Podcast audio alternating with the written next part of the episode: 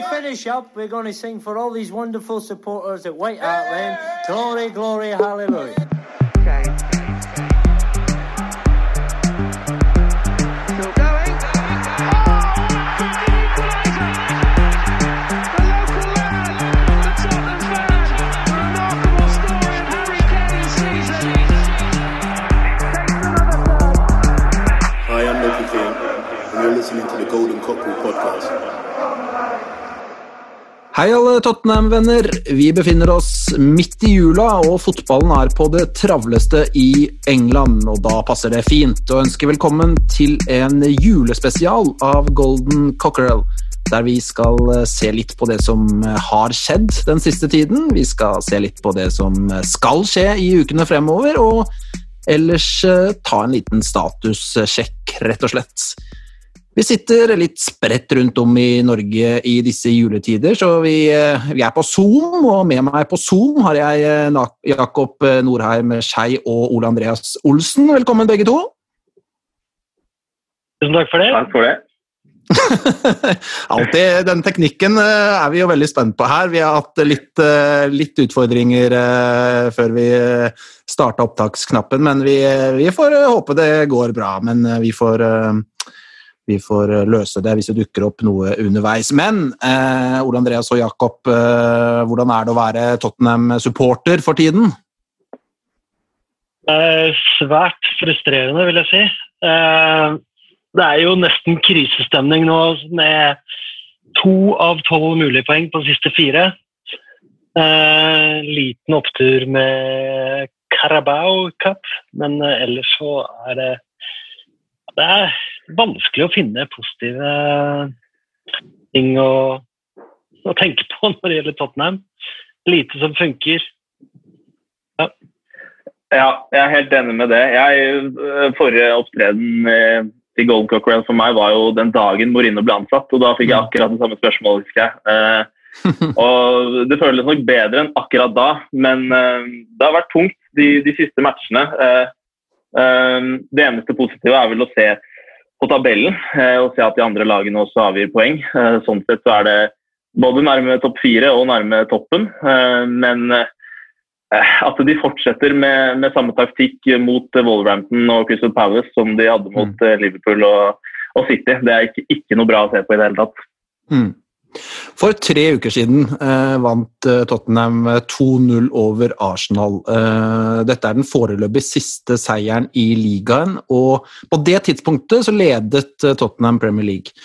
Nå har de to poeng eh, på de fire siste, som eh, Ole Andreas eh, sa, eh, etter uavgjort mot Palace og Wolverhampton, og tap for eh, Liverpool og Leicester. Og da lurer jeg litt på nå er det sånn at Tottenham overpresterte frem til og med Arsenal-kampen, eller har de underprestert eh, etter det, altså de fire siste ligakampene?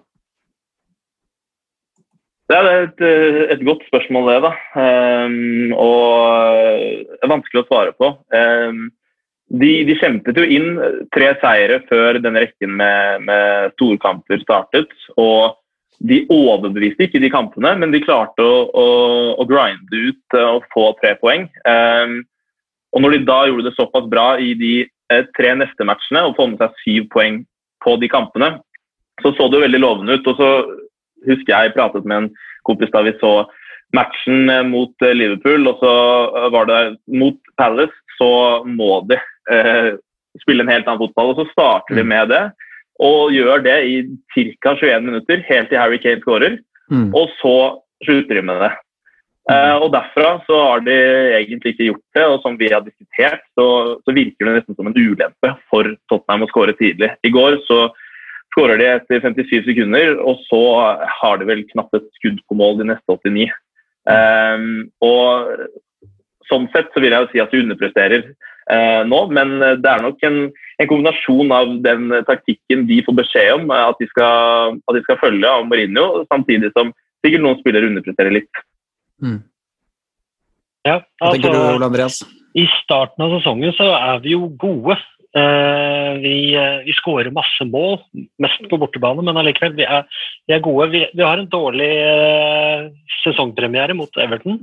Så spiller vi eh, kjempebra borte mot eh, Southampton. Eh, I hvert fall sånn etter en halvtime. Eh, eh, hjemme mot eh, Newcastle var også kjempebra spill. Vi klarer ikke å drepe kampen og bli straffa på overtid. Um, eh, Westham er jo bra i 81 minutter, eh, og så får vi hjernebelønning på, på hele gjengen. United kjempebra i de 89 siste minuttene. Og så kommer jo en del sånne seire som er eh, hvor det grindes litt mer.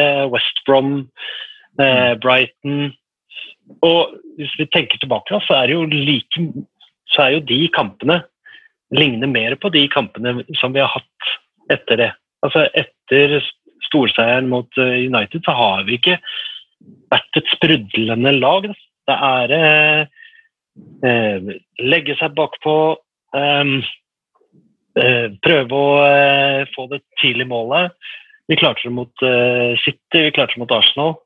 Eh, fikk eh, gode, gode, gode resultater mot dem og en, eh, og en eh, godkjent eh, uavgjort eh, mot Chelsea. Og det kamuflerte nok eh, en god del av de problemene vi ser nå eh, etter Arsenal-kampen. At eh, vi klarer ikke å eh, drepe kampen mot eh, Palace. Eh, og heller ikke mot Wolverhampton. Vi, vi inviterer dem inn i matchen igjen, og egentlig Den kontringsstyrken som vi hadde i starten av sesongen, den, den er blitt litt borte. Altså, jeg, har- jeg har liksom ikke trua på at når Kane møter, så finner han sonen hver gang. Eller er det det at ja, Kane får jo ikke ballen så mye heller, føles det som. Så eh, nei, jeg bare Den, den mojoen, den må vi finne tilbake til. Ja, eh, helt enig. Og det er jo ekstremt mye snakk om og fokus på José Mourinho for tiden. Eh, naturligvis. Han får eh, mye kritikk eh, for hvordan Tottenham eh, fremstår. Eh, mangel på offensiv vilje, planløst offensiv, kjedelig fotball. Og Tottenham eh, i kamp etter kamp overlater initiativet til motstander, enten de heter ja, Manchester City eller eh, Crystal Palace. Eh, jeg har ikke tenkt vi skal bruke en time på José Mourinho, men, men noe må vi selvsagt eh, ta tak i. Og, og alle ser jo problemene, Jakob. Men hva konkret skal Mourinho gjøre, tenker du? Nei, det, det største problemet nå er jo at det ikke er tegn til noen ambisjoner om å skåre mål hvis man får det første målet. Og da tror jeg man veldig kjapt kan få en, eh, en supportergruppe som ikke, som ikke støtter det han gjør. Det er veldig mange som stiller spørsmål om hvordan det ville vært på stadion nå hvis man hadde sett den type fotball. Um, man utnytter jo ikke et ekstremt offensivt potensial som man utnyttet så ekstremt godt i starten av sesongen. Uh, og som Ole Andreas var inne på før de der tre kampene hvor de vinner med ett mål, så, så har det vel, var det vel det laget som skårte flest mål i Premier League. Og det glemte jo folk med en gang de la seg bakpå mot disse topplagene. Og det å prøve å finne tilbake, sånn som i går da, mot Wolverhampton eh, For det første så går jo ikke pasningene på Kane, eh, og det er jo 60-65 meter opp til mål for sånn eh, når Tottenham vinner ballen. Eh, Ndombele er jo et eh, han spiller fantastisk, eh, og jeg vred meg jo sofaen da han blir byttet ut. Eh, hvis han ikke orker mer enn 70, så får det, det, det stiller jeg veldig stor spørsmålstegn til, men um, han var en av de som klarte å, å få til noe offensivt. Og det å ta ut han da, sette inn Sissoko, uh, igjen på en måte legge opp til at her skal vi forsvare dette, og så går han ut i et intervju etterpå og sier at uh, ja, vi skårer, men de har 89 minutter på å skåre til, og det klarer vi ikke. og sa jo bare kort til Tottenham TV at eh, be spillerne fortelle hva jeg sa til dem i pausen. Og Hvis man begynner på den trenden der igjen, sånn som man egentlig så litt da de hadde syv-åtte skader i fjor, så tror jeg det fort kan bli litt, eh, ja, en skummel utvikling. Nå er det jo sånn når vi bytta ut Nambele nå, eh, så vanligvis ville vi jo satt innpå Lo Celso, som har eh, mye av de samme boksåpnerkvalitetene, de samme eh, mulighetene for å skape noe kreativt, da, selv om de er ganske forskjellige i uh, utstråling og uh, fremtoning, så er de i hvert fall veldig kreative begge to. Og nå uh, som vi tar av en Dombley og setter på Sissoko, så er det jo noe helt annet som skjer. Er, altså, Mm. hvem skal skape noe? Altså, da burde vi jo ha fått inn på noen, men noe kreative fibre, i hvert fall. Og så er det jo uavhengig av hva som blir sagt uh, i garderoben nå, så det signalet du sender ut da, når du tar ut uh, den eneste midtbanespilleren som egentlig er i stand til å, å skape noe særlig, uh, og erstatter han med eh, det som for meg er liksom definisjonen på en spiller som du skal bruke når du først og fremst skal demme opp, eh, nemlig Sissoko. Eh, så uansett hva som blir sagt i, garderoben eh, ved pause der, så, sender du jo ut et kraftig signal om at her, her er det viktigste å forsvare seg og, og, og ikke, ikke slippe, slippe inn mål da, siste, siste halvdel av andre omgang. Jakob? Ja, og han, han, var jo ikke spesielt aktiv i, inne, altså ved benken heller. vil jeg si. De fleste bildene av han så satt han ganske rolig og så på. og Hvis de ikke hadde puttet på den corneren og det hadde blitt 1-0, så hadde han jo stått der og mm. tror jeg da hatt en helt annen altså pratet om at det var det her vi skulle gjøre. Vi vinner, vi kontrollerer bak, vi skaper ingenting. Men når du får den, og, det, og du eh, Nå skal det sies at de har sluppet inn mye på, både på dødball og på straffer. Eh, men med å senke laget helt ned til 20-30 meter, så blir du ekstremt sårbar for å få eh, dødball imot. Eh, og da kan man også tenke på det. Da. Er det riktig inngang å ta når, eh, når, man gjentatte ganger slipper inn på den måten? Og selv om det ikke skaper mye store sjanser, så sitter du bare og venter på at det må komme noe når et lag kjører såpass over. Og Wolverhampton, ellevteplass før matchen, skårer ett mål i snitt per kamp. Ikke noe spesiell grunn til å legge seg bakpå og når de først eh, slipper inn, så syns jeg jo det endrer litt igjen. da. Litt likt som Palace-kampen. Selv om de ikke skaper noen store sjanser etter det, så er de oppe i motsatt 16 to-tre ganger på tre minutter når de ikke hadde vært det de, de første 40 i, uh, i, andre omgang. Og Det var akkurat det man så mot Palace, å skape to-tre gigantsjanser etter at de slipper inn målet og tør å gå frem mot laget som de uten tvil har gode nok spillere til å spille ut. Ja, Det er det som er så fryktelig Sorry, Ole Andreas.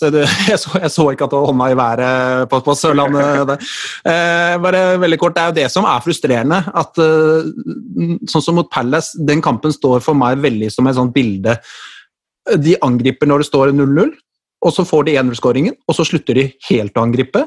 Eh, og det gjør de helt til de får 1-1. Og så begynner de å angripe igjen, og, og, skaper jo masse og bør jo egentlig vinne den kampen, har jo store sjanser der. De kan jo hvis de vil, men det er bare at de slutter når det er 1-0, og det er jo fryktelig frustrerende å se på. Vær så god, Andreas, da er det deg. jo, eh, det var egentlig, det var egentlig det er, Dette her blir jo et eh, ekkokammer, på en måte, for vi, ja. jeg er jo helt enig om eh, om at vi er veldig frustrert over uh, at vi slutter å spille fotball. Men da ser vi jo også når, når uh, vi ligger under mot Leicester, hvor, hvor, hvor, lite vi har å komme med. Altså. Og den tida nå, den er jo helt helt gull for folk som hater Marini og syns vi alltid har spilt kjedelig fotball. Så, de har jo kommet fram en stund. Men uh, altså, jeg, jeg har nok blitt litt lurt da, av de første resultatene og, og, av at vi har klart å beholde tabelltoppen i våre tre uker i strekk. For som jeg sa i stad, når jeg ser tilbake, så ser jeg jo det at vi har, vi har slitt en lengre stund enn det resultaten uh, tilsier. Altså. Ja, det har vi. Og hvis vi ser på de såkalte underliggende tallene, som det så fint heter, uh, så har jo Tottenham overprestert veldig. De ligger jo langt over det som eh, forventes, da, basert på det de har skapt og sånn. Så, sånn sett så er det jo egentlig ikke bærekraftig, eh, det de har drevet med. Og kanskje får man nå en, sånn, en slags eh, utjevning eh, av det, da. Og, men så sa du et, eh, et stikkord, Ole Andrea, som jeg syns er veldig viktig, og det er resultater. For eh, jeg tenker jo at det er nok mange som eh, kan akseptere eh, denne fotballen så lenge Tottenham vinner fotballkamper. Men det er klart at når Tottenham da tar to poeng på fire kamper, da, slutter å vinne fotballkamper, og i tillegg ser ut som det de gjør, da er det ikke veldig mye å, å kose seg med i forbindelse med Tottenham lenger. Nei, eh, det er jo Jeg tenkte på um, Jeg husker da jeg satt og så på United da Mourinho var der. Så var det veldig ofte at man ble sittende på samme måte. Med en gang United fikk et uh, mål imot, eller måtte frem og presse, eller altså Når de måtte ha noe, så plutselig sprudlet det. Mm. Og så satt man og tenkte hvorfor gjør de ikke det her fra start? Hva, hva, og når du ser Man skulle jo tro at Mourinho han er jo uh, si, han er mest suksessrike treneren du finner. og han, De går jo, bruker jo hele uken på å gå gjennom alle mulige klipp og analysere. og det er jo der jeg blir litt forundret, når man ser hva som funker såpass godt. og Vi sitter jo her, og det, for oss virker det jo helt åpenbart at med en gang de prøver å angripe, så er de mye farligere. Når de presser høyt, så er de farligere. Og selvfølgelig mot eh, de antatt beste, som mot Liverpool f.eks., hvor de ligger bak, og Liverpool egentlig bare kommer til skudd på rundt 16-17 meter og ikke skaper så mye stort. og det i mine øyne er litt uflaks at man ikke vinner, fordi de har de to gigantsjansene, som Liverpool ikke har. Eh, men når du da kommer mot de andre eh, og, fortsetter på samme måte, så, så er det så eh, kjapt at du får Sånn som oss, som sitter og ikke forstår hva i alle dager man driver med. Og så, så som jeg startet med å si, så er det jo heldigvis ikke altfor langt opp til eh, eksempelvis topp fire. da, eh, og det, det er jo absolutt lysglimt. I dag så taper eh, avgir Leicester poeng, Chelsea avgir poeng. Og City, City, spiller ikke. Der er det covid-bonanza. Mm. Håper at det går bra, selvfølgelig. Men uh, ja, nei, det er uh, for så vidt underkommunisert det at vi, uh, vi har en mye bedre kampplan i, som passer mot Liverpool enn en de andre lagene. og det er, det er, jo vi som har mest expected goals. og Oppda opererte vel med at vi hadde tre, nei, fire store sjanser, og Liverpool hadde ingen. Mm. Uh, så det, det, der passer kampplanen vår bra. Og uh, Bergheim uh, er jo uheldig, synes jeg, som ikke skårer. Og at, at han blir uh, hunsa på sosiale medier, er bare trist. Altså. Ja, det må jeg si. Det er det virkelig. Men er det, er det sånn at Eh, kan vi akseptere da, øh, denne kampplanen mot Liverpool, Chelsea, City, kanskje også Arsenal, men idet det fortsetter sånn også mot lag vi Tottenham skal være vesentlig bedre enn, det er da dette blir et problem. Er, det, er dere enig i det? Ja, altså jeg vokste opp med, med, med Drillo på 90-tallet, så da Norge hadde jo akkurat de samme problemene da. Det gikk eh, ganske greit, men slapp å styre kamper. Og så med en gang vi, bortsett fra San Marino hjemme, det gikk greit.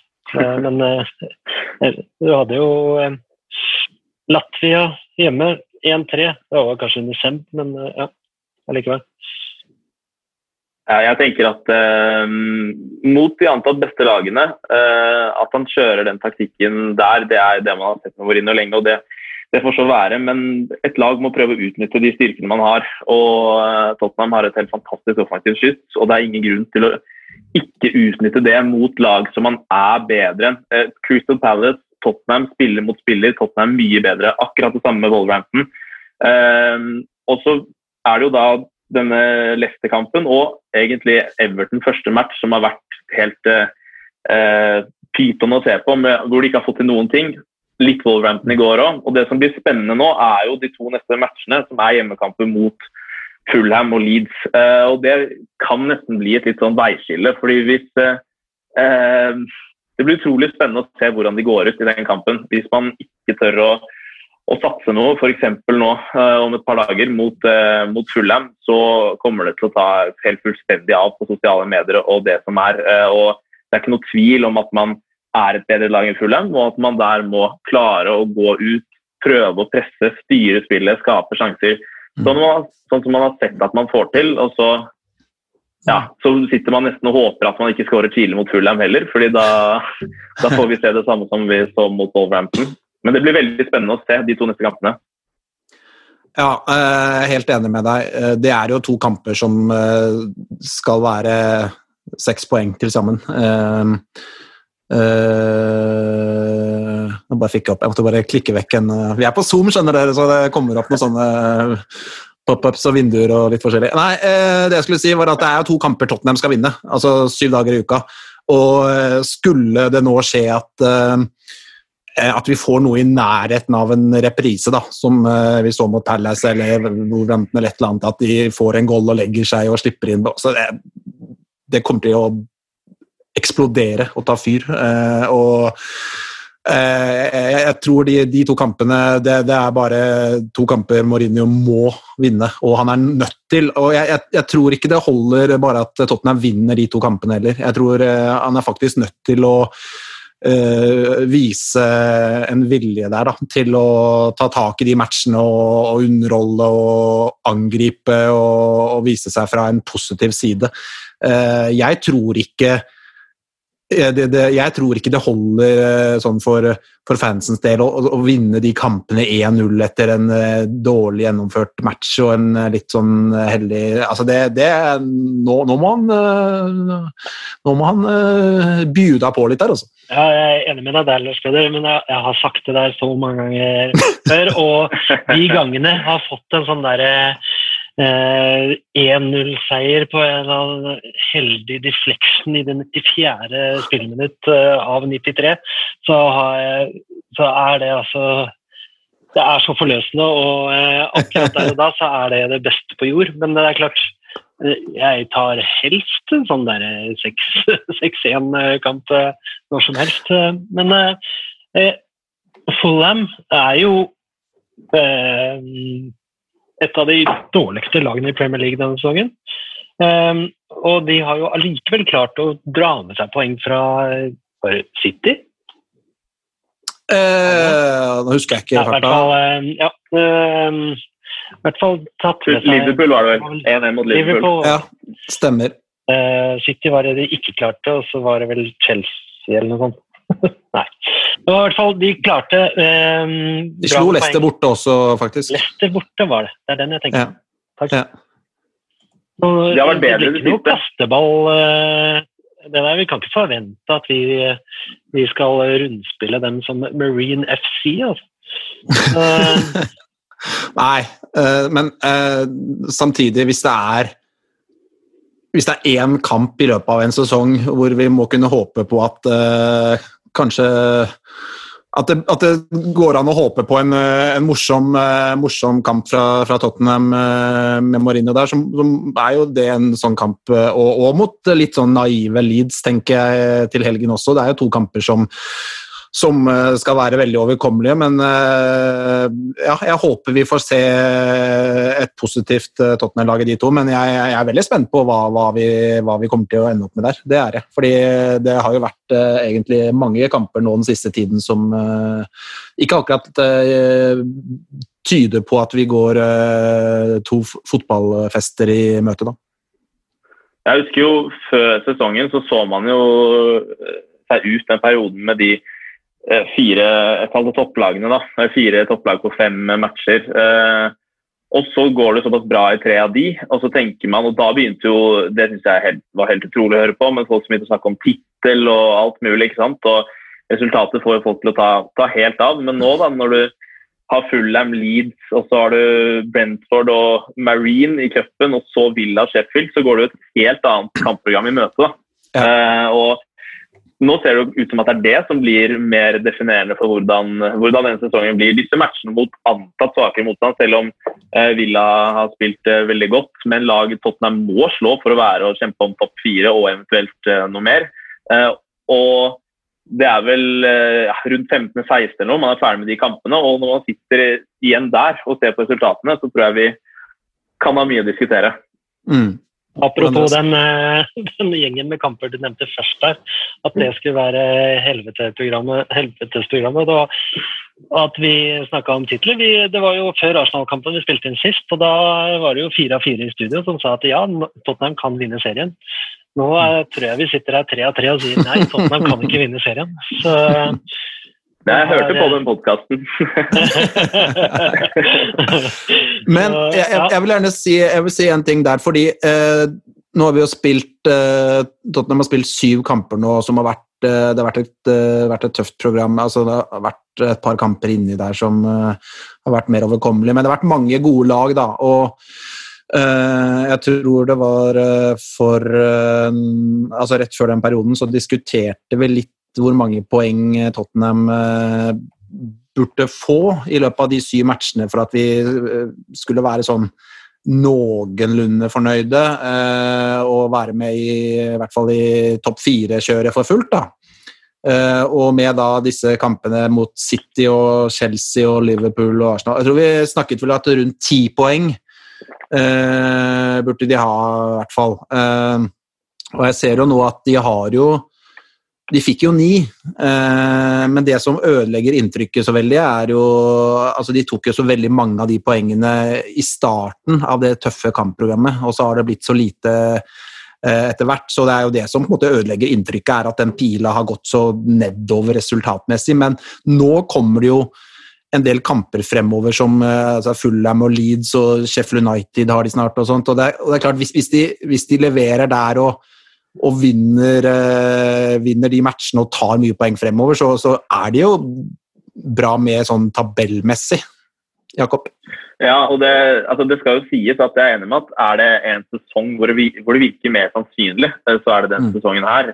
Eh, men det, man sitter jo igjen med at de matchene hvor de har tapt poeng, har ikke vært Altså Man føler at de kunne tatt det, at de har gitt bort poeng fordi ja. de har tatt ledelsen. Øh, de har ikke spilt Det er egentlig Leicester da, hvor de spiller forferdelig ja. dårlig. I går mot Wolverhampton så legger de seg helt bakpå, men man, man sitter igjen med en følelse av at det her kunne de tatt. De tar ledelsen, de spiller bra, og så er det noe taktisk som gjør at man mm. legger seg bakpå. Og Når det er det som gjør at man sitter og føler at man kommer dårlig ut av det, så er det litt annerledes enn hvis man hadde spilt forferdelig fotball hele veien da, og tapt fortjent f.eks. For mot, uh, mot de lagene. Men det er egentlig eh, Leicester hvor jeg føler det har vært tafatt og dårlig. Eh, og i de andre matchene har det virket som det i hvert fall litt mer preget av det taktiske. da. Enig. Nå, nå er det jo sånn på tabellen her at uh, Liverpool leder i, i stakkende stund med 32 poeng. Og Southampton på niende med 25 poeng. Vi har 26. Det samme har City, Chelsea og Aston Villa. Uh, City og Aston Villa har én kamp mindre spilt enn oss. Chelsea har én kamp mer spilt. Vi, må jo vinne den mot Fulham, rett og slett for å ha, holde, holde hestene i gang i, i racet om topp fire. Um, for uh, at uh, City kan nok få et veldig tett kampprogram etter hvert, og det kan jo uh, være være en av redningene våre. Eh, Manchester United har ett poeng mer enn oss, med én kamp mindre spilt. Og eh, så ligger jo Everton og Leicester på 29 poeng, tre poeng bak Liverpool. Så det, det er jo mm. utrolig mange lag der. så det, man, man, har ikke råd til disse her, eh, feilskjærene som vi har hatt.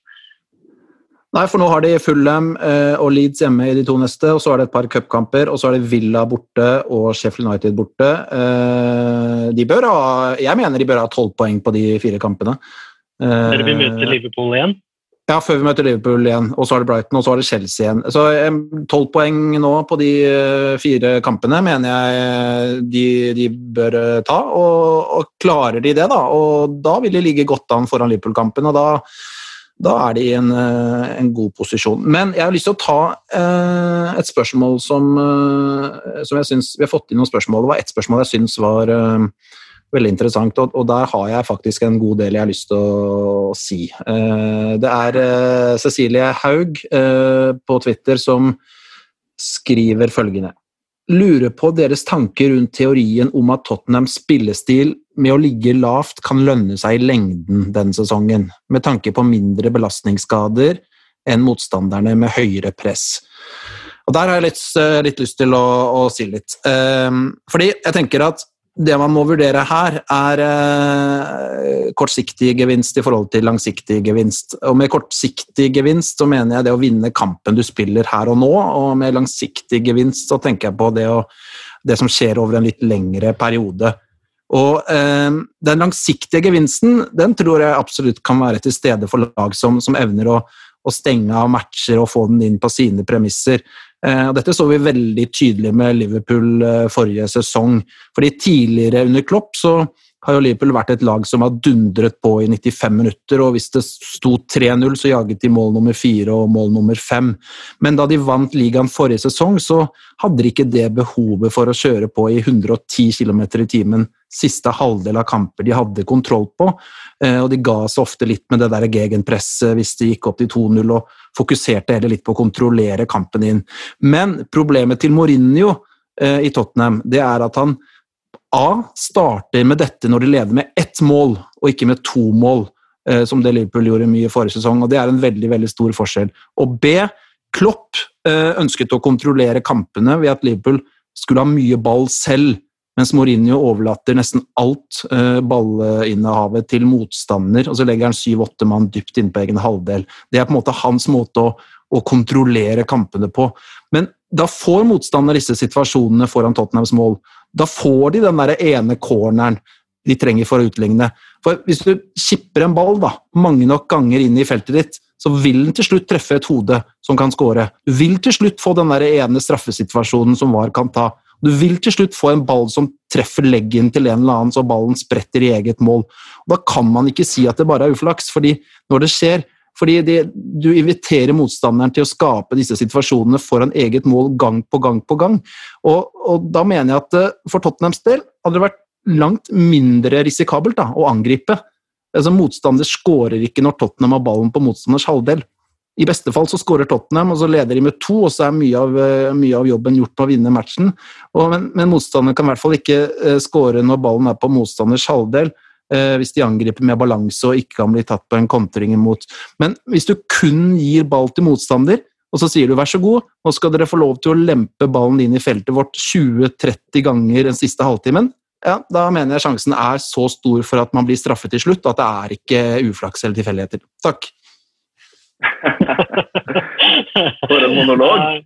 Det er deilig med en, eh, en liten rant, eh, nesten. Ja, det er jo jo, jo, men altså um, mot, uh, mot Arsenal så var jo det helt klart plan. Altså ikke la de spille seg gjennom midten.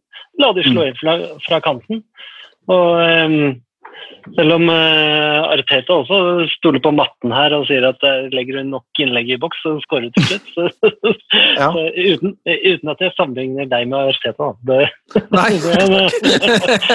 men uh, ja, nei, altså i, de, I den kampen så jeg var ikke bekymra etter hvert, For da, da spilte de da spilte de mot vår beste måte å forsvare oss på.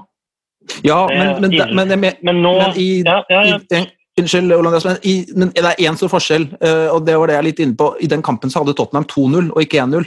Og jeg, jeg mener det er en veldig stor forskjell. Eh, Det, det virker som det kanskje sitter litt i huet òg. At det er så mye å tape på den ene goalen vi får imot. At vi bare Mm. Nei! Vi, vi skjelver, altså. For det, ja.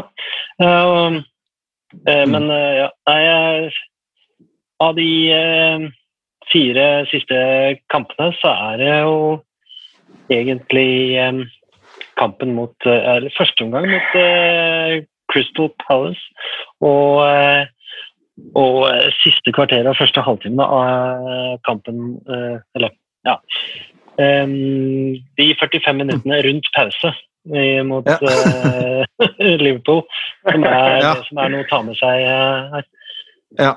Jeg tenker jo um, Altså, jeg uh, pratet litt med noen under kampen i går òg, og da begynner jo de å prate om ja, men det her er jo den stilen Tottenham skal ha nå, og det er jo sånn Marine forsvarer seg. Men i går så følte jeg meg egentlig ikke så veldig komfortabel. og det, det kan godt være fordi det ikke, altså 2-0 føler man seg mer komfortabel, selvfølgelig, men det var enkelt å spille seg gjennom sentralt. eh, Winks vil jeg nesten ikke eh, Jeg vet ikke om dere om jeg har fått noen spørsmål om det, men eh, At han har én man of the match performance mot Stoke og så går rett inn i startelveren, det fatter jeg ikke. I går eh, er ute av posisjon veldig mye, defensivt. Henger ikke med. Høiberg får nesten ikke noe hjelp. De spiller jo gjennom midten gang på gang, noe som blir farlig. Pasningsspillet hans har dalt noe så kraftig siden den trygge og eh, altså det, var, det var så mye energi i Winks eh, i starten, og det var en av spillerne man virkelig likte å se på, som tok med ball frem og gjorde litt sånn som Ndombele gjør nå. da, Prøvde å være litt Mm. energifull offensiv. Jeg tenker Eh, hvis ikke og, og jeg Unnskyld. Nei, nei. eh, jeg bare nå ser jeg eh, det, Jeg, jeg syns nesten det virker som at han føler at han er litt for god til å sitte på benken. Eh, og når han kommer på, så mangler han liksom det der med at her, her skal jeg komme og liksom bevise meg. og Han ble bytta ut i en match, og så er han litt sånn småsur. og i hvert fall Poenget mitt var at mot Wolverhampton i går så følte man seg ikke trygg. og Det tror jeg ikke bare var fordi det, eh, de ikke ledet med to. Det var virket mye enklere å spille seg nærmere Ja. mål til Tottenham enn de gjorde mot eh, de andre når de har kjørt den taktikken. Ja. Hvordan Ja, har, eh, har Winks fått litt sånn derre Dele Alli light, eller at det liksom eh, Jeg syns jo Ja. Dele på sitt beste er fantastisk, men han har jo skrudd av fullstendig. Ja, jeg- altså, ja. Ja, Jakob. Kjør. Nei, unnskyld. Jeg, jeg, jeg syns jo det er eh, ganske lenge siden han egentlig var Jeg husker jo for noen år tilbake, som, eh, som ble sagt der, så syns jeg han var kjempespennende. og Hadde veldig mye i seg, og sånt, men jeg syns ikke han eh, har tatt noe særlig steg, da. Eh, og så, så sliter jeg liksom litt med å på en måte, Hva er han for noe? Hva er det han skal være for noe i dette laget her? Eh, ja, han skal ligge dypt der, og, men altså, ikke er han noe spesielt sånn god ballvinner. og Greit, han er god i på en måte dette litt sånn eh, småspillet og for så vidt god i den fasen med å spille seg ut bakfra den første andrepasningen når de skal starte en overgang og sånt, men jeg, det sliter liksom med å se hva er, hva er det han skal bidra med i dette laget, da. Ja, jeg tenker, eh, som du sier der, han har ikke tatt noe steg videre. Uh, han, han var god. Uh, jeg husker uh, hjemme mot Real Madrid i Champions League, hvor han storspilte og hadde full kontroll på midten der. Eh, og, og så har det på en måte ja, han, ja, det, det var så mye energi i han, og du likte å se på det. og Pasningen kom frem gjennom ledd. Og nå er det noe helt annet. Det er vendinger frem og tilbake. Han taper dueller, han bommer på enkle pasninger. Og jeg tror nok han ikke har eh, hva skal man si, ikke har taklet den der lille motgangen han har fått da, ved å bli benket litt. Eh, For meg er det helt åpenbart at han ikke bør, eh, bør starte. Hvorfor han ble satt inn i går, om det er fordi at uh, Sissoko er sliten, at Lo Celso er skadet, uh, eller hva det er. Men eh, eh, jeg synes ikke det var noe, noe, noe smart å ha med han fra start. i hvert fall. Nei. Han ble løpt litt over, altså, fordi der hvor Sissoko er sterk og dekker rom det, Winks er ikke like sterk, men han er jo, han er jo bedre offensivt, syns jeg. Så Altså, han- eh, Det var litt det man så mot uh, Stoke med målgivende sa at eh, ok, her kan vi kanskje få en, eh, en litt uh, mer avlastning på uh, doble hvis, uh, hvis han ikke har helt dagen. Det hadde han jo virkelig. altså, en mm. doble i går. Det var gøy å se på, altså. Mm, det var det. Det var veldig gøy. Jeg tenkte vi skulle snakke litt om han. Jeg tror vi tar en kort liten sånn eh, minipause her, og så kan vi starte opp med litt uh, Ndombele-prat etterpå, tror jeg. Bale again. Oh! Unbelievable! Sånn. Eh, vi tenkte å gå litt over på spillerstallen og snakke litt om eh, en del av spillerne. Eh, og vi kan jo starte med han vi avsluttet med. Tanguy Ndombele. Eh, fantastisk moro å se han eh, mot eh, Wolverhampton, eller hva syns dere? Absolutt. Det er jo eh, rått. ja, det, det, det, det blir jo sånn blir jo litt sånn eh, trist og lei eh, når, når han blir tatt av. Um, for han har jo dansa rundt der, og du hørte jo det i PL-studio også, at han ble jo eh, virkelig rost opp i skinnet på, på det han eh, presterer. Så er det jo eh, det er jo det at eh, Nei, det er en kamp allerede på, eh, på onsdag. Eh, og der skal han nok spille, spesielt med Lo Celso skada.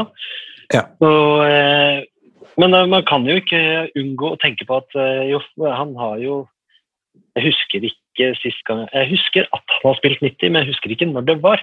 Og da husker jeg han, han lå på bakken etter kampen, så jeg vet jo at han eh, han er en stor, eh, stor spiller med ganske høyt tyngdepunkt. så eh, var det ikke noen som nevnte at han var litt som en hockeyspiller? Som bare, Jo. Vi snakket om det i forrige, Ja, forrige det var du som som nevnte det, var det ikke det, Lars Peder? Jo.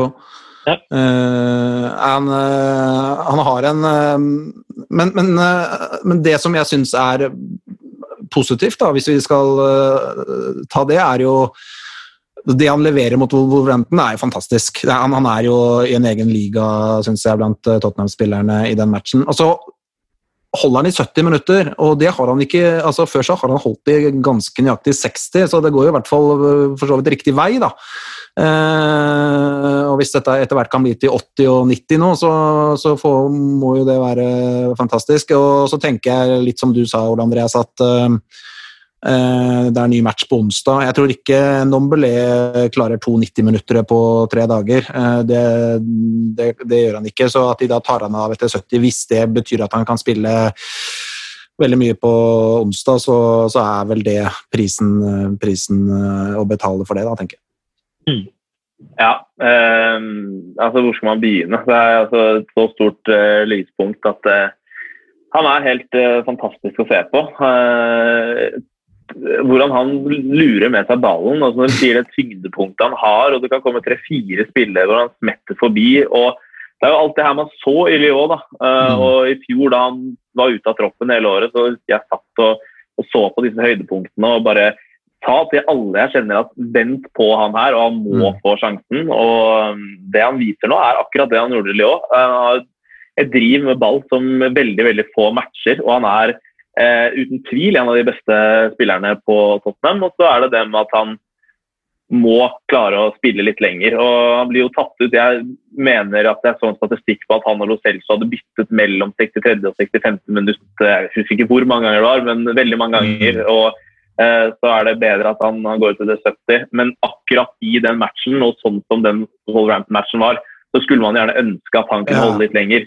Eh, og Det var jo fordi han spilte så bra, så det, Mm. det er jo derfor man vil, man vil ha han med. Eh, men så er det utrolig viktig at han også er med mot lag som, eh, som Fulham og, og Leeds. Og, Mm. eh, men eh, det man også kan snakke om, eh, er jo sånn sin posisjon i går, da, når en Dombelé lå i en mer fri rolle. for den rollen passer en Dombelé helt perfekt, men den rollen sånn hadde i går, passer ikke sånn helt perfekt. Og der har du et dilemma hvordan du skal utnytte det på best mulig måte. så Jeg vet ikke hva dere tenker om det. Jeg, jeg tvita om det under kampene i går, faktisk. At eh, dette her eh, passer jo en doble som fot i hose, men sånn er helt ute av det.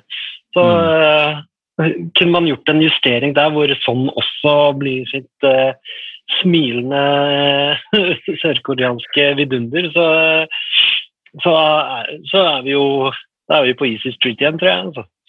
Men uh... Ja, hvis, hvis, hvis de, jeg er helt enig, og, og helt enig med begge dere at uh, sånn uh, ble på en måte litt sånn offer i går da, for, uh, for Ndombele og, og den blomstringen han viste. Og, men hvis de kan klare å, å få plass til øh, alle de tre på en sånn måte at de får brukt sine beste styrker på best mulig vis, så, så har de jo en trio der som er vanvittig sterk. Det jeg ikke er så glad i, er når sånn blir liggende for bredt og isolert ute, for det syns jeg vi så en del av forrige sesong. Eh, Da ble han ofte liggende veldig bredt, veldig ofte isolert én mot én, én mot to mot motstanders eh, bekk og kant, og var eh, ofte ganske langt unna motstanders mål. da. Så jeg bare håper ikke vi ender opp der igjen, fordi sånn syns jeg er best når han har en forholdsvis fri rolle og får jobbet mer inn i banen. Ja, det, Du så jo det i går, når en doble får den posisjonen hvor han blomstrer. Da trekker ikke Kane ned i det rommet. Og sånn eh, får ikke de eh, lukene han er vant til på topp. Da. Altså, mm, så da blir han liggende bredt og dypt og eh, går inn i banen, blir frustrert. Jeg tror ikke jeg Mm. så et smil på sånn i det hele tatt i går. Nei, så det, det var Det var Det var liksom det som var litt sånn baksiden i går. eh, At sånn eh, Så var det snakk om eh, at han hadde fått seg en smell. Det var noe skade der også, tror jeg, så han var ikke helt 100% heller, men Uansett, jeg tror de gutta der, Kane og sånn, er eh, ganske slitne. Altså. Eh, De har spilt eh, enormt mye og vært ekstremt sentrale i veldig mye av det Tottenham har skapt og levert fremover. og det er klart at, at Om de får seg en liten dupp nå, så er vel det egentlig noe vi kanskje har frykta litt. Da. Ja, men hviler vi da sånn mot I hvert fall fra start mot Fulham og spiller spille Lamela f.eks.? Ja, jeg ser vel kanskje for meg Spørsmålet er om Mourinho tør det, da. Øh, Om han føler at han er i en posisjon nå hvor han kan begynne å hvile de beste spillerne sine. Klart Hadde han kommet nå fra syv strake seier og alt hadde vært fryd og gammen, så hadde det vært mye lettere. Men når du er i en posisjon hvor du må vinne eh, en fotballkamp, og så skal du begynne å hvile den største stjerna di, eller en av de største stjernene, den eh, sitter nok litt inne. så jeg jeg tipper vel sånn starter å heller ta seg av hvis uh, ting skulle gå veien underveis der. Men, uh, underveis der. men jeg, jeg mener uh, at de kan ha behov for litt hvile. Altså. Jeg tror, jeg tror de starter. Og jeg, jeg føler at man ofte ser en veldig god variant av sånn etter man har sett en dårlig. Eh, eller en dårlig ble, Han ble et offer i år, rett og slett. Han, han måtte Mm. ha mer fokus defensivt. og da, de, da han fikk ballen, så var det ekstremt langt opp til mål. og Regionen spilte jo på, på venstre, der hvor han pleier å, pleier å spille. Så det ble en veldig annerledes match for han. Men eh, som du sier, Lars Peder, så, så, så, så tviler jeg sterkt på at, eh, at han velger å hvile de sånn som de siste fire kampene har gått. og Så får man heller se om man kan ta de av etter hvert. For igjen så har man god nok tropp også på benken til å matche et Fulham-lag. Så det, Mm. det bør gå fint. Men eh, han må starte. Ja. Jeg tenker eh, Jeg tipper han gjør det. Men vi får se. Eh, Jeg tenkte vi skulle litt innom eh, en eh, posisjon som eh, har vært litt sånn jeg syns det har vært eh, Tottenhams eh, En av Tottenhams utfordringer denne sesongen, og det er høyre kanten. Eh, der har Tottenham egentlig ganske mange spillere. Eh, Bergwijn, Bale, eh, Lucas, eh, Lamela Men hvem bør spille der, og hva tenker dere er liksom eh, riktig av Mourinho å gjøre for å få litt fart på den høyre sida, nå som vi på en måte kunne ha sett eh, noe særlig til Bale og, unnskyld, Kane og, og sånn, da? Jeg hadde jo håpa at Bale hadde nå fått trent seg opp og gjort den posisjonen til sin, men det har han virkelig ikke gjort. Eh, Mm. Det har vært litt sånn eh, Ja, det var veldig gøy med den signeringen, og eh, kjempegøy med matchvinner mot eh, Brighton, selvfølgelig. Men, eh, Mm. men eh, yeah. Nei, Ja, det har det vært litt sånn eh, Ja. ja. Hva tenker du, Jakob? ut. Jeg har Ja, hatt det veldig seig ut. Hva sa du? Han ser seig ut. Nei, han ser, Ja, ja, ja. Det, sier vi i kor. Men Ja. eh, han eh, eh, Det er jo det man håpet på. Altså, så eh, Bergwijn eh, jobber som en helt, men eh, hva bidrar han, bidrar han med offensivt? Jeg synes han har fått mer ro over spillet sitt. Virker ikke like stresset, men eh, jeg, jeg, jeg, det lukter ikke mål når han nærmer seg det. Lukas i de kampene Lukas har kommet inn, egentlig så jeg for meg at det kunne passe Lukas veldig greit å si komme inn siste 30 med tempo. Men han har sett helt eh, fortapt ut i de kampene han har Mm. kommet eh, inn. Det virker som han også tenker mye mer på det defensive, ser seg bak framfor å, å tenke offensivt. Eh, og så vet jeg ikke om man på en eller annen måte kunne ha fått Venitius inn i laget, eh, og at man kunne satt ja, Silamela ut på høyre, no, noe lignende sånn. Men jeg vet vi har fått spørsmål om Venitius, og det passer vel ganske greit å ta opp nå. Ja, absolutt. Det er eh, André von Drey som, eh, som eh, spør hvorfor benyttes ikke Venitius? Eh, jeg mener vi trenger et alternativ til Kane eller sånn for å gjøre oss mer uforutsigbare. Og der syns jeg han har et godt poeng. da, at De andre lagene har funnet ut av eh, Tottenham og Mourinho. Altså de, vi, eh, vi klarer ikke å overraske dem med å, å trekke Kane dypt, sende Saint sånn på løp. Nei, det, det er lenge siden vi har skåra på den måten. Det var vel mot eh, Arsenal. Ja, jeg tror ikke Tottenham kan forvente at den oppskriften med Kane som skal eh, ned og vende opp og slå gjennom sånn, at, den, eh, at, den, at de kan flyte på den gjennom en hel sesong. De er nødt til å ha flere strenger å spille på. Eh, jeg er Jeg syns det er et veldig godt spørsmål han stiller, og jeg skjønner heller ikke hvorfor ikke han får spille mer. Jeg syns jo han egentlig har levert ganske egentlig ganske ålreit i Europaligaen eh, når han har fått muligheten. Det var vel Eh, den ene kampen hvor ingen var eh, på. ja, da var hele laget dårlig, eh, så, så, så det, det er nå den. Men, Men eh, jeg syns han det var positiv mot Brighton da når Ja. han kom inn der. Eller var det, nei, Eh. tenker jeg på eh, West Brom. Ja.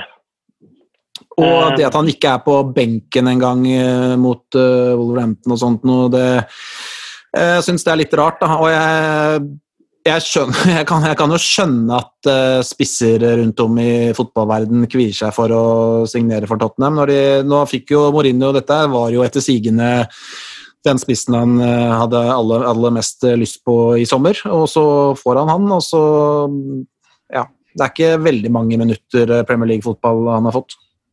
Nei, det er jo det, er det jeg lurer veldig på. Da. Hva er det han har gjort som gjør at han ikke sitter på den benken? Eh, en spiss som bøttet inn med målet i Portugal i, i fjor. og eh, Jeg synes han har vært eh, mer enn godkjent egentlig i de kampene han har fått eh, sjansen. Som dere sier, så var han usynlig i en kamp hvor resten av laget heller ikke møtte opp. Men Mm. det å kunne ha opp en som er såpass sterk feilvendt som han har, han har god eh, venstrefot, han er giftig inne foran mål at han ikke i det hele tatt vurderes eh, til å komme inn og sette et preg, sånn som han egentlig gjorde mot eh, West Bromwich, eh, synes jeg er utrolig rart. Så Da må man begynne å tenke på om det er et eller annet som, på trening som man ikke får med seg. Eh, eh, men Han virker jo som en såpass eh, smilende, positiv, eh, engasjert fyr som bare har lyst til å bidra med det han kan. og Det er jo derfor han kanskje har vært jeg vil ikke si naiv, men det er kanskje derfor han har kommet til, eh, til Tottenham som det soleklare andrevalget på,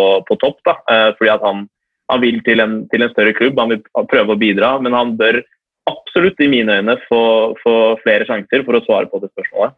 Mm.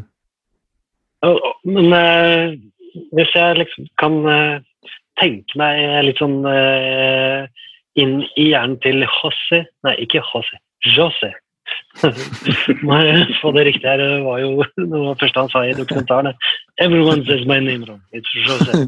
Ja, eh, det var siste spor. Eh, jo, at eh, José, han Det virker som han liker å, benytte en ganske liten del av troppen i perioder. Og ikke rotere for mye. Og så heller ta en litt større rotasjonssyklus på kamptroppen. Eh, at eh, ok, kanskje etter nyttår så er eh, det er noen andre som er ute. Det er Lukas som er ute i, av troppen fire kamper på rad, mens Venicius er inne. Kanskje Nerfein også må må spille litt reservelagskamper, jeg vet ikke. Men det, det virker som Jeg, jeg syns det virker som José vil ha. Litt uh, At de er klare hele tiden, da. De som, uh, de som er i den uh, periodiske kamptroppen. Nå så vi jo at eh, ja, nå så vi at sånn som Sanchez har plutselig nå fått et par kamper. Eh, Winks har eh, plutselig fått et par kamper. Docherty har vel også fått de to siste, har han ikke det? Eh, så det, dette er spillere som ikke har spilt så mye på en stund, da. Eh, hva er det Er dette Hva liksom Er det Er det spillere han eh, vil gi en sjanse nå med tanke på å spille mer fremover? Er det bare for å hvile de som har spilt mest i de posisjonene? Hva, hva leser dere ut fra et laguttak hvor plutselig, ja, hvor plutselig f.eks. Sanchez er inne igjen? da? Um, nei, altså Det er jo normalt med at det er litt roteringer, sånn sett. Eh, Sanchez eh, husker jeg vi snakket om eh, for ikke så lenge siden, Lars Peder. Og eh, ja, vi kunne vel ikke helt skjønne hvorfor han skulle få så mye flere muligheter. Eh, I går så spiller han jo egentlig ganske greit. Ta tar mindre sjanser, gjør det han, gjør det han skal. og, og han har jo tempo i kroppen, så han følger jo Neto godt der og på Densås og osv.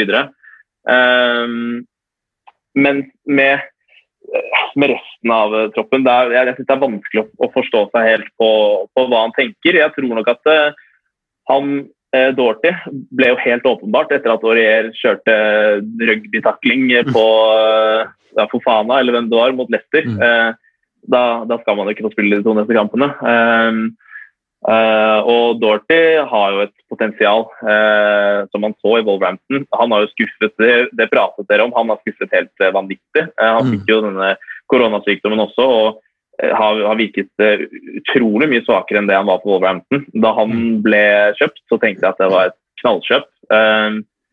I går, ikke noe sånn storkamp av han der heller. Han har grei kontroll på, på, på bekken og, og spiller vel bedre enn han har gjort, gjort på en liten stund. men det er vanlig med at det blir litt eh, roteringer. Sanchez spiller bra eh, i går, men da er det utrolig typisk han å, å søle det bort i neste kamp. Og, og når vi nå har Brentford så, altså Brentford det skal nevnes, de ligger ett poeng unna direkte opprykk i championship. så Mm. Det er i hvert fall ikke noe, noe kasteball. og De spiller eh, langs bakken og spiller god fotball. Eh, men Marine det er vel åttende nivå, er det det? Ja, Har du sett mye av dem, Jakob, eller? ja, de er fullt nøye. De er fullt nøye.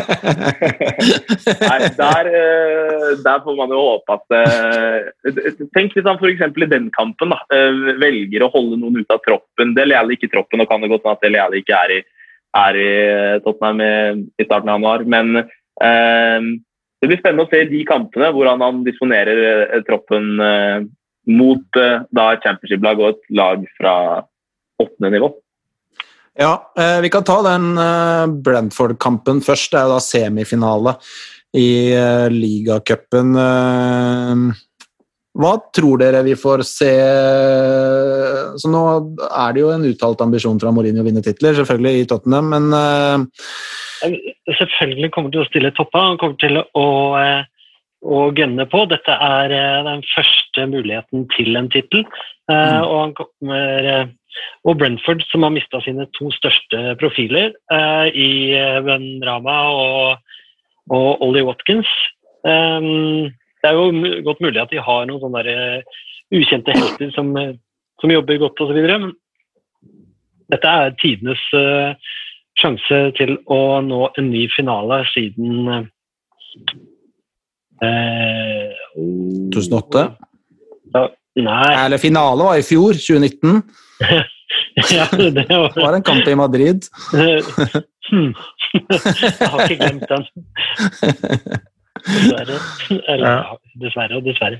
Nei, men eh, selvfølgelig. Vi, er, vi går all in for å komme oss Ja da, det sier seg, det sier seg selv, det. Men hva, hvor, hvor viktig tenker du, Jakob, at det vil være hvis de skulle ta et uh, trofé nå, da? Hvor, hvor viktig er det, er, det, er det det som betyr noe, da, for å spørre sånn?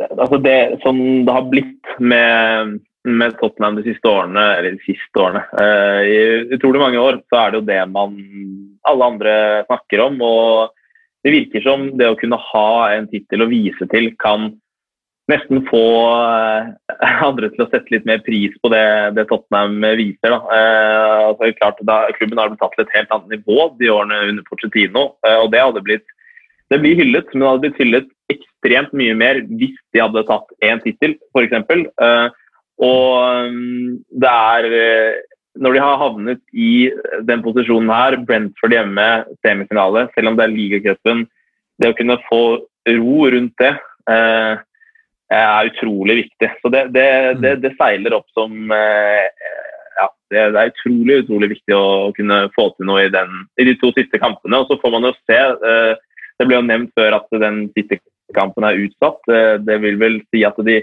egentlig ikke kan stille mot United i semien. Leighton Orient måtte jo eh, trekke seg, eller de tapte jo den matchen hvor de ikke kunne stille. så hvem vet om man får, kanskje man får United der, og om det også i mine øyne kan være en litt enklere motstander i en finale. Mm. Jeg tenkte vi skulle avslutte litt eh, Det kommer et januarvindu nå. Eh, Det er jo som alltid når et eh, overgangsvindu nærmer seg, så er det veldig mye rykter, og det snakkes om den ene og den andre, og det er jo knapt en eh, fotballspiller i eh, verden som ikke linkes til Tottenham på et eller annet tidspunkt. Men en spiller det har vært mye snakk om, da, som det kan virke som det er litt hold i, det er Sabitzer fra RB Leipzig. Hva tenker dere eh, om han, eh, folkens, hvis, eh, hvis han skulle ende opp i, i Tottenham? Det er vel en, eh, nok en, eller er en klassisk eh, Mourinho-spiller. Klassisk var kanskje feil uttrykk, men det er en Mourinho-spiller fordi han, han er en eh, club captain. Han eh, er en eh, som går foran, han går i krigen eh, uansett. Så eh, eh, at han kan være med og, eh, og avlaste Høibjerg eller eh, komplettere Høibjerg på midten her, det, det hadde vært gull, syns jeg. Um, om det skjer, så tror jeg det er eh, typisk deadline day. Altså, for det, um, eh, jeg ser ikke at uh, Levi bare pumper ut uh, enda mer penger sånn, for å få han tidlig i januar. Du, du hadde hånda oppe, Jakob.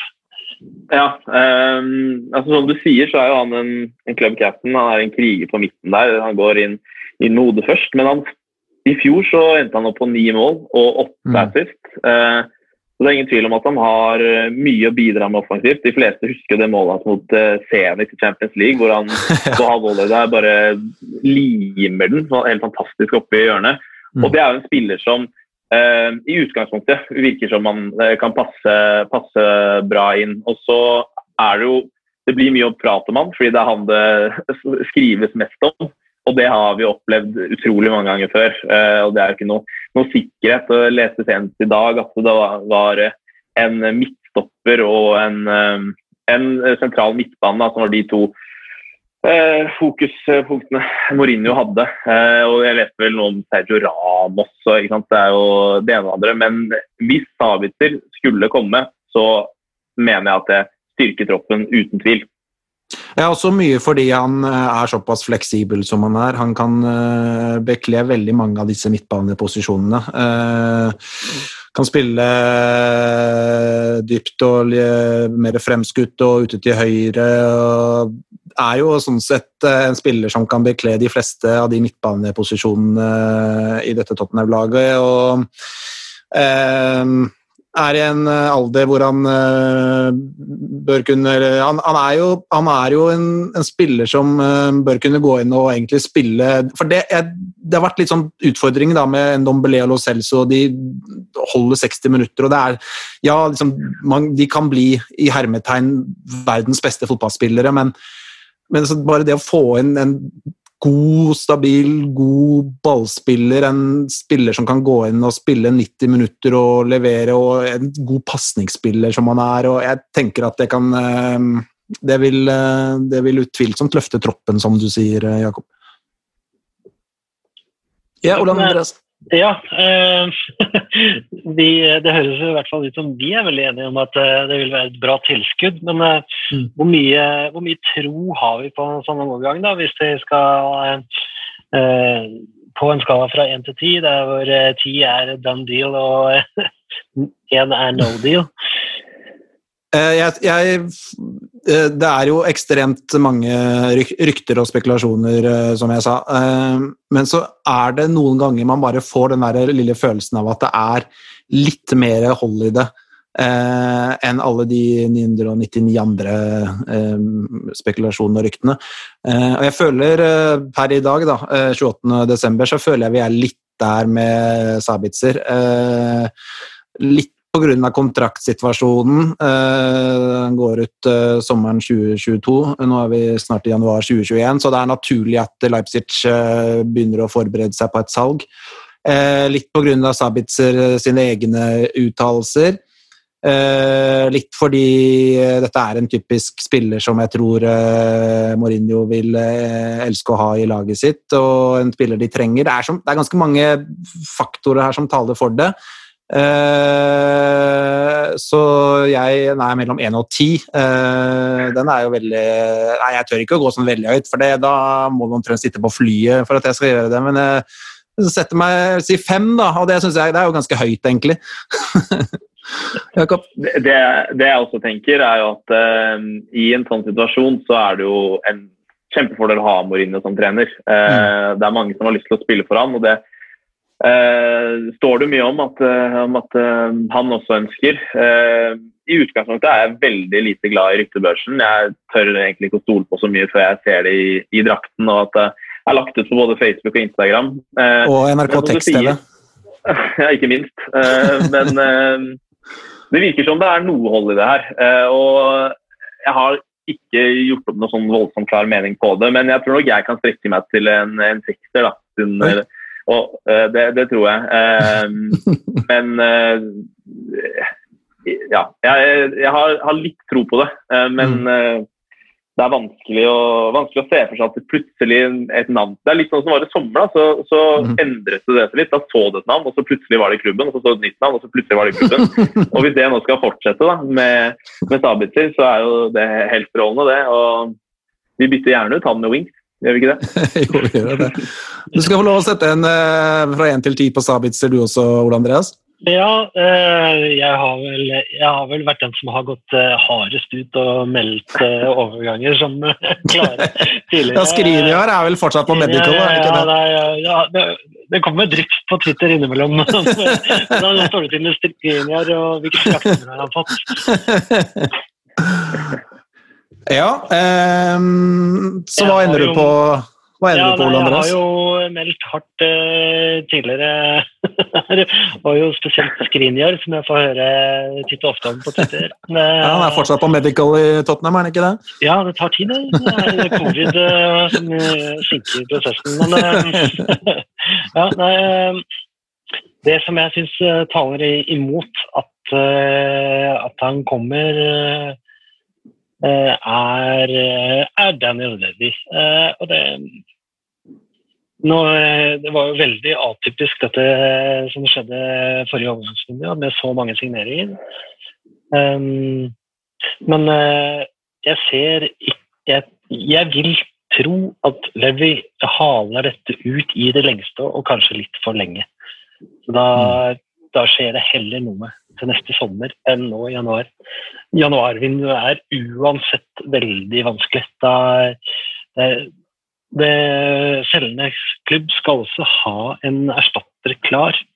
Nå er vel eh, Nå har jo Red Bull eh, Eller unnskyld, eh, Jakob. Nei, hva heter det for noe? Racing eh, her- eh, ja. RB Leipzig. RB Leipzig. De har jo henta han eh, som også har et navn som er utrolig vanskelig å Dominic eh, Zlobzai Nei, nei, nei jeg, Ja, ja, nå, nå driter jeg meg langt ut her på utover. Han fra RB eh, Salzburg, Ja. eh, han ungareren der. Ja. Eh, så det kan jo Men han ser jeg på som en litt mer kreativ type. Så litt eh, usikker. Ja, Jakob?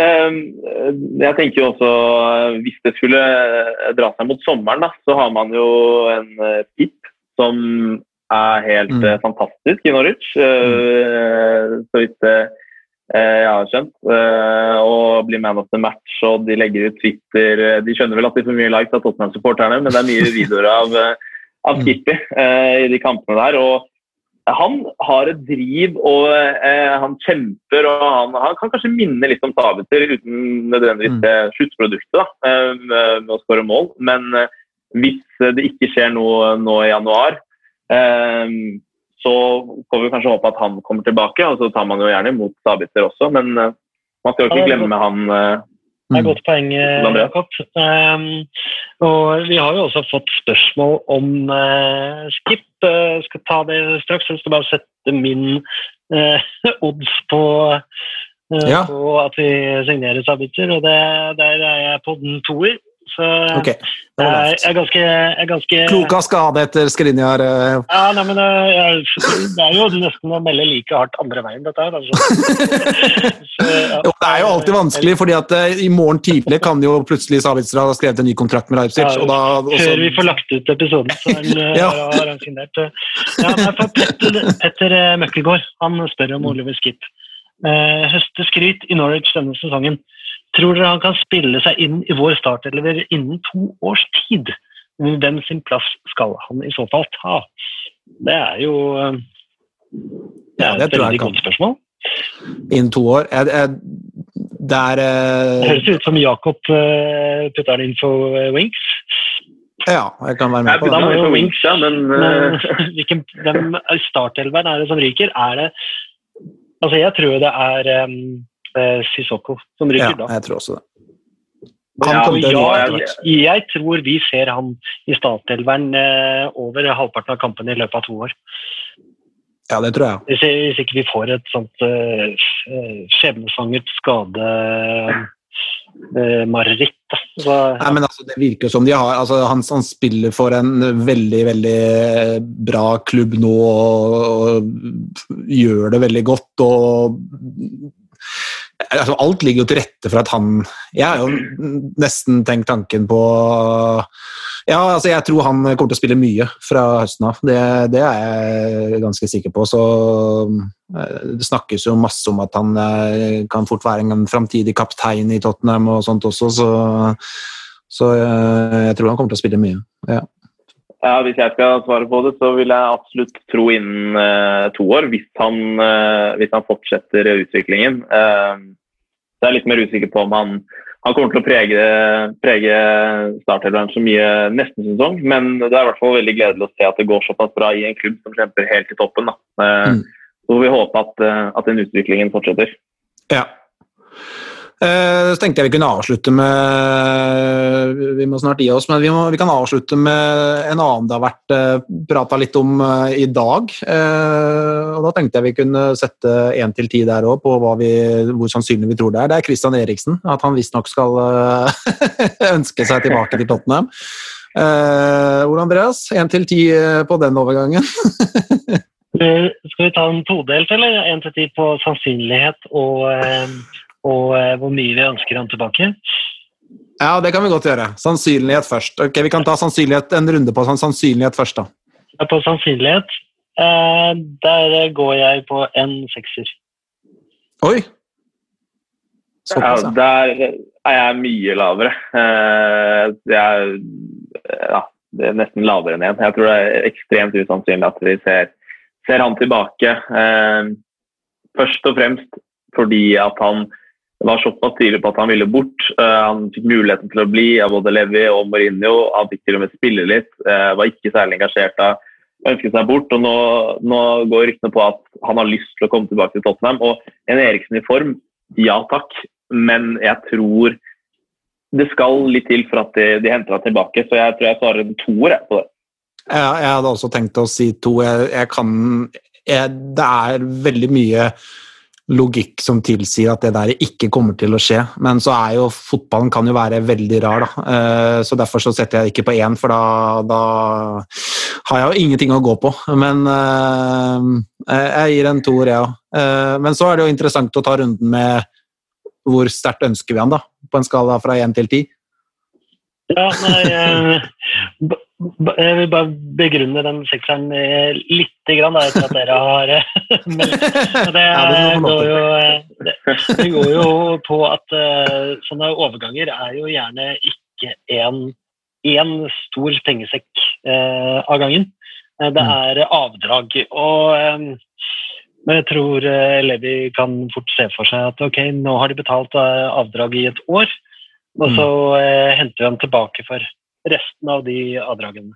Så at det da ikke koster ham noe sånn sett å hente han tilbake. Men eh, ja, eh, Jeg har et litt romantisk forhold til Christian Eriksen. Så jeg har jo veldig, veldig lyst til å se han tilbake på sitt beste i Tottenham. Mm. Mm, Så jeg kommer til å gå høyt. Ah, ni. Oi. Er veldig, Da nå er jeg veld, veldig nysgjerrig på hvorfor du ikke gir ti. Hva er det som gjør at du ikke er liksom helt frelst? At du holder, at du holder litt tilbake, liksom? Ah, det er, kanskje det er Bale. oh, ja, ja, ja. Klok av skade. Bokstavelig talt klok av skade. Uh, ja, ok, jeg kan si Jeg syns den er vanskelig. Det spørs jo veldig hva slags Christian Eriksen eh, vi får se i Tottenham. da. Hvis det er den Christian Eriksen, eller noe i nærheten av den Christian Eriksen som vi så for uh, tre år siden, så er jeg jo på en soleklar tier, for det var jo en fantastisk god fotballspiller. Hvis det er den Eriksen vi så på slutten, og som vi har sett egentlig en del etter det også, så er, jeg ser jeg ikke så veldig mye vits å hente han. Og så er jeg litt sånn eh, Jeg henger meg litt på den Bale-greia også. Hvor mange sånne gamle Tottenham-spillere skal vi hente?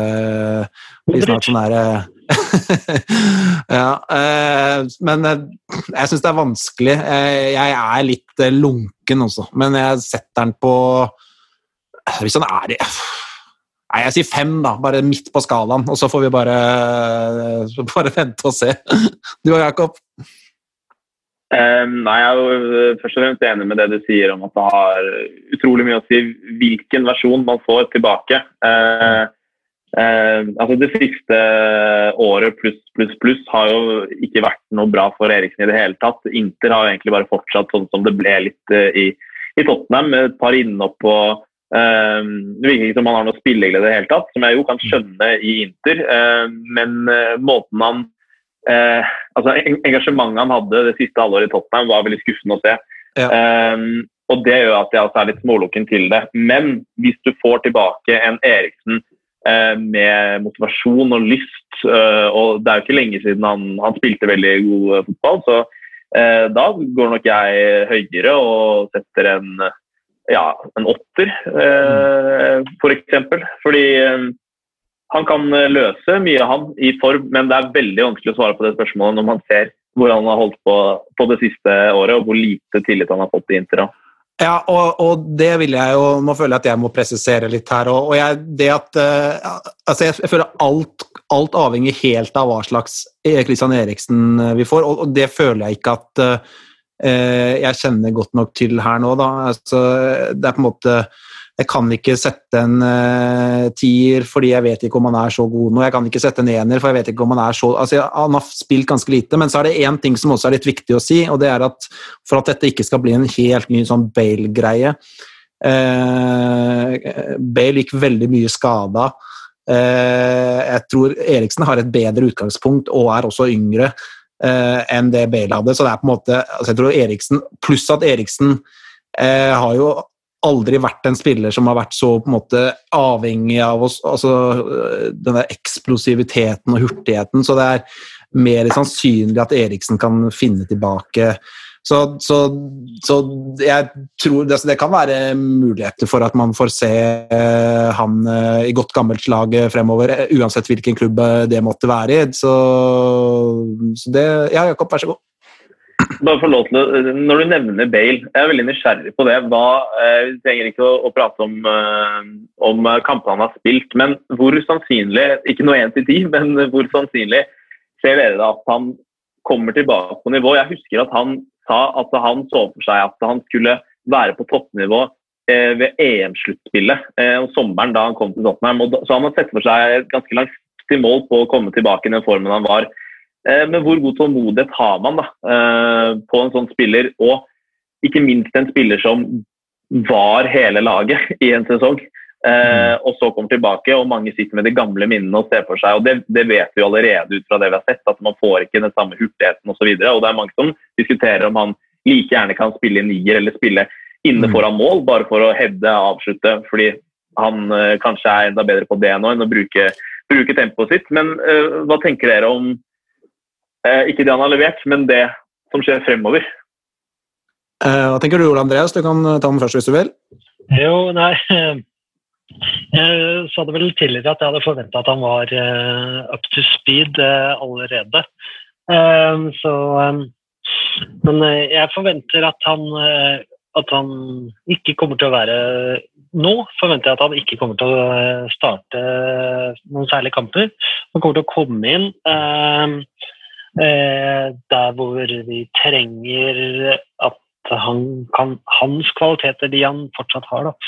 Ikke hurtigheten, men eh, hodestyrke, eh, dødballfot eh, eh, Være litt sånn presence, fordi at han, han er den han er. Eh, eh, men at han kommer til å være toneangivende eller eh, eller eh, bære laget igjen, det tror jeg ikke. Men at han kan være utslagsgivende i eh, gitte situasjoner, det tror jeg. Ja, og så tror jeg, som du sier, at uh, vi skal ikke undervurdere den rollen han har uh, i hele det miljøet og i garderobe og sånn også, fordi klart, vi sitter jo og ser på 90 minutter eh, eller eh, 180 minutter Tottenham i, i uka, og klart der har han ikke dominert så noe særlig, men eh, jeg tror han, eh, han har fått mye skryt for den jobben han gjør i, i miljøet der. Men eh, jeg vet ikke for å svare, Jakob. Jeg er litt eh, skeptisk eh, til om han kommer til å Eh, ja, vær så god. Skulle du si noe, Andreas? Eh, ja, når du er ferdig. Ja, nei, ja, eh, det var så innmari høy hånd i været der, så jeg lurte på om det hasta. Eh, eh, nei, eh, nei, så jeg, jeg Men jeg ser for meg at han, hvis han kommer i bedre form, og det håper jo, at han vil nok, som, som det ble sagt her, kunne gå inn og, og, og gjøre en jobb som en helt annen type spiller da, enn det vi husker han for for syv-åtte-ni år siden. Mer en sånn nesten litt sånn playmaker-type og en mer eh, avslutter og eh, uten de der rå ekstremferdighetene som vi husker fra hans første periode i Tottenham. Da var det deg, Ole Andreas. Eh, ja. Um, jeg har bare begynt å følge en kar på Twitter som heter Lars ITK. Uh, han har skrevet noe om noe, om noe eh, midtstopper fra Italia. Hvilken egentlig var det, Lars? Ja, ja det var han uh, Fiorentina-stopperen. Ja. Milenkovic. Uh, ja. Han høres jo unektelig spennende ut. Spesielt hvis, uh, hvis de sier at Sanchez er Han skal ikke spille for mye for Tottenham. Nei. Jeg syns ikke han har eh, hatt noen særlig utvikling siden han kom til klubben. Så jeg ser faktisk gjerne at de eh, casher ut litt på han eh, i januar og oppgraderer den stoppeposisjonen, for det syns jeg de virkelig trenger. Det er en stopper til som er nederlandsk, mener jeg, som spiller i, i Frankrike. Som mm. Tor Christian Karlsen har name-droppa på Mercato og skrevet på Twitter at han kan være på vei til eh, Tottenham. Eller at i hvert fall Tottenham er en av klubbene som holder øye med han. Og nå sliter jeg selvfølgelig med å finne den eh, tweeten. Men eh, han er 21 år og eh, har, eh, spiller på et lag Hva er det? Santet igjen? Ja, det er eh, i hvert fall et lag som slipper inn en del mål, men han utmerker seg virkelig eh, i sin posisjon da, som, eh, som en spillende stopper. eh, Ja. Den nye Ja, det- Virgil van Dijk, eller van, Dijk, som det visstnok heter. Ja. Jeg prøver, Jeg vet et, ikke, det- jeg prøvde å gjøre et superkjapt eh, kjøp her på Sankt E- igjen og se om det var noen nederlandske stoppere, men jeg fant ikke. Nei, men det Nei, nå føler jeg vi er eh, Nå, nå, nå er vi langt, inne i troppen til Sankt, Sankt Etienne. her. Nå, nå er det vel kanskje på tide å koke opp mer gløgg, kanskje? Og så Mm. begynne å Er det noen som har noe på hjertet til slutt, eller? Vi prøver å tippe de tre neste kampene, eller? Ja, det kan vi gjøre. Resultat, Um, eller? Nei, ja, resultat. Ikke, ikke eh, nødvendigvis eh, målforskjell. Nei, vi kan ta hvis, eh, hva du tenker ut, utfall. Utfall, ja. Eh, Så hvis vi tar, eh, tar, med, tar med Brentford, eh, Fulham, Leeds og Brentford, Ja. så eh, kan det hende at vi får Ja, nei, Marine skal vi jo slå. Så ja. Bør det. Vi håper vel på en pod før Aston Villa-kampen igjen. Ja, det kan vi gjøre. Eh, Så ja, eh, Jakob. eh, Hva blir eh, utfallet mot Fulham? Det Fulham blir seier. Seier? Jeg er enig. Seier. Ja, ja jeg er enig. Det blir seier. Ja. Leeds, Lars. Eh, nei, jeg skal øh, fleske til med en uavgjort der, jeg. Sleske til. Ja, jeg, eh, jeg tror, jeg, tror det kan være en eh, kamp som, eh, som passer oss eh, mer enn eh, mer enn eh, Crystal Palace, eh, Mm, det tror jeg. mer enn eh, Leicester, mer enn Wolverhampton. Så ja, de, kom, de, de er jo gung-ho på en Så, så, så da blir det uavgjort, da, eller? Nei, Nei, det, ja, jeg tar den. Begge disse kampene er hjemme, men jeg går for seier der, jeg òg. Ja, bra, bra, bra. Ja, jeg, eh, jeg tror også Leeds eh, passer godt. Der tror jeg det egentlig går på hvem som skårer flest mål. Eh, men jeg har troa på seier, seier mot Leeds òg, hvis de pøser frem sånn som det har gjort eh, hittil i år. Jeg kan ikke var- se noen grunn til at de skal endre, egentlig. Ja. Ja, Kan jeg bare spørre, da, Jakob? ja unnskyld, eh, Lars. Nei, Jeg bare ble så nysgjerrig på den Hva var det du sa? Det kom til å avgjøre mot Leeds, hvem som skårte flest mål? Ja, er det ikke sånn det funker? Ja, det er jo, det er jo helt sant. Det er jo, det er jo, det er jo eh, poenget mitt var at eh, jeg tror Leeds skårer en del. Ja. eh, men eh, det tror jeg også Tottenham har gode muligheter til å gjøre mot, mot Leeds. Så Ja. derfor Jeg tror jeg de vinner. over, over 2,5 mål på oddsen, da, kanskje. Ja, 4,5. ja. Nå er det kanskje den vanskeligste kampen til slutt, da. Ja. Det er um, hjem- mot Brentford i uh, semien mot, i uh, Carabao Cup. Og da eh, kan jo jeg gå først. Og Å, jeg er så bange. Um, nei, uh, jeg tror jeg tror, jeg tror vi må helt til straffer, ja, men at vi tar det der. ja. Straffer, ja. Uff. Ja, det Jakob, hva tror du? Uff. Uh, nei, altså Det er naturlig at vi har en dårlig følelse inn mot en sånn match. I I hvert fall når man får den trekningen man håper på. Eh, men eh, jeg tror helt ærlig at de taper den kampen. Eh, og eh, det smerter meg å si, men det smerter meg å si, men eh, jeg tror de kommer til å Jeg tror Mourinho kommer til å legge seg lavt mot eh, et- spillende Brentford. Jeg tror han kommer til å ha altfor mye respekt for det laget. eh, og eh, at det blir si, en helt annen stemning enn de eh, Premier League-matchene som vi kommer til å se nå de to neste Og kanskje alvor også med en semifinale. så jeg vet ikke om det bare er at jeg er fryktelig redd for den kampen, og at man Mm. får nesten litt sånn, at man får vondt av å skulle spille en semifinale med alle de semifinalene som har, har gått tapt utenom i fjor. Men eh, eh, jeg tror dessverre at de, at de taper den kampen. Ja.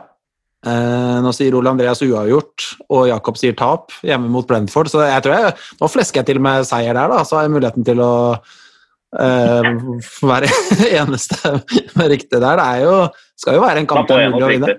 Ja, men eh, jeg, jeg, jeg er helt enig. Eh, jeg syns det var veldig gode, et godt resonnement der om den Brentford-kampen. Og det er definitivt en sånn Det er en sånn eh, kamp Det er en snubletråd, altså. For det er jo sånn skikkelig drømmetrekning. Og jeg bare merka det etter den trekningen, at liksom folk begynte å spørre om når er finalen, liksom. Det var jo Det var liksom ikke Jeg har begynt å raste opp uh, titlene til Mourinho, Ja. og eh, Ja. nå kommer det og det sitatet han, eh, hvor han sa at han Ja. Jeg har aldri ikke vunnet en tittel i en klubb, og det kommer ikke til å skje. Sekundene etter den trekningen. Ja, det tok et kvarter, da, så så jeg sånn photoshop av Moussa Sissoko holde den ligacuppokalen, ikke sant. Så jeg, da logget jeg av, ass. Det, det, det går ikke. Så det er en snubletråd. Men uh, Alle disse tre kampene er på hjemmebane. Uten Det de. at det blir noe særlig publikum, da. Men uh, kjente omgivelser Jeg kan et oppfølgingsspørsmål eh, til det. Vil dere, vil dere ha to seire i Premier League eh, og tap i ligacupsemifinalen, eller to tap i Premier League og seier i ligacupsemifinalen? Da er du ond, Jakob? Ja, det må være spennende for de som hører på, da.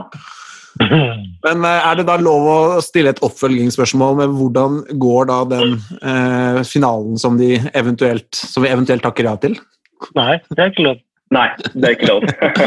Nei, men jeg sier jo altså jeg sier, jeg sier jo soleklart ja til å vinne den semifinalen. Eh, hvis det så skulle eh, bety at vi ryker hjemme mot Leeds eller Fulham altså, Det er jo Ja, det, den er Men eh, nei, altså det, for, for meg så er det sol, soleklart Det er soleklart for meg at, eh, at de, de skal til den finalen. Så hvis, hvis jeg kan velge én kamp, da, altså, så, så plukker jeg ut den hvis det, hvis det er de tre det står imellom. Altså. Her snakker vi da om en uh, finale i uh, ligacupen. Eller at uh, Arsenal kommer og opp i ryggen på oss i Premier League. Ja, men jeg tenker hvis det er én Hvis om ett, hvis jeg snakker om ett tap i ligaen, da, kontra det å ikke få spille en, den første det er cupfinalen det. Vi kan ikke, vi kan ikke justere alternativene når vi har fått vi- det presentert. det, det var, Hvis vi skulle tape hvis vi skulle tape én kamp, var det ikke det, Jakob? Nei, begge. Nei, Begge ligakampene? eh, Mm, begge, begge, ligaer. begge ligakampene. Oi, da misforsto jeg. Ja, ok, Så begge ligakampene eller eh, Ok, sånn, ja. Nei, da nå, nå ble det dårlig lyd på mikrofonen min her, så jeg må stemme ballen over til Ole Andreas. nei, nei, men den er vrien. Nei, vet du, eh, men eh, Nei, jeg går for gull. Jeg går for, jeg går for og jeg må, må, må til finale. Altså. Ja. Ja. Eh, Ja, det ble straks litt uh, Jeg trodde det var ett minutt. det var vondt. Har du noe mening selv, eller, eh, Jakob? Jeg, jeg håpet du ikke skulle spørre. Uh, uh, jeg eh, åh, Det er så vanskelig, vet du. Jeg, mage, eh, jeg, jeg vil egentlig si seier i de to, i de to seriekampene, faktisk. Men uh, det er altså såpass jag etter det trofeet fra alle når man prater om eh, Tottenham. Og jeg tror ikke man kan få en så god mulighet som, som vi har nå. Så jeg får bli med på, bli med på deres eh, resonnement og si at vi kommer oss til Wembley. Ja, vinne, vinne semifinalen, komme til Wembley, også fordele vinne de 20 siste ligakampene, eller hva som Men, gjenstår. men det vi alle egentlig mener, er jo sånn Ole Brumm, ja takk, begge deler. Altså, Helt Ja, klart. om vi gjør. Ja. Det er Om vi gjør. Om vi- det er helt Nei, riktig. ehm, eh, skal vi prøve da å uh, ta den første seieren mot Fulham og uh, ha en positiv inngang til 2021? Ja, det syns jeg. Eh, og Leeds-kampen uh, Leeds-kampen blir jo først i 2021, så da kan vi uh, håpe på en sånn eh, kanonåpning på det nye året. Vaksinen har kommet, og Tottenham eh, er plutselig supermorsom å se på. Alt er bare tipp topp igjen, er ikke det en fin avtale? Ja, Vi sier det sånn. Det høres helt perfekt ut. Det høres helt perfekt ut. Så lov meg. Nei, men det var uh, hyggelig å ha dere med, Ole Andreas og Jakob. Mm. Uh, fra Sørlandet og Fjellheimen. Eh, sånn er det 2020 til internett. Kommet for å bli. Eh, så tror jeg vi bare sier Hva skal vi si, Ole Andreas, til slutt? Vi skal vel si godt nyttår.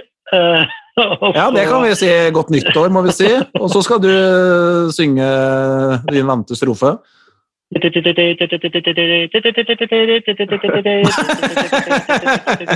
Nei, ikke den.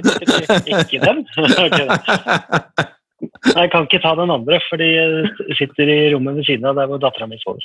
Så den får vi ta. Ok. Ok, da tar vi bare og sier eh, ha det bra sammen og godt nyttår.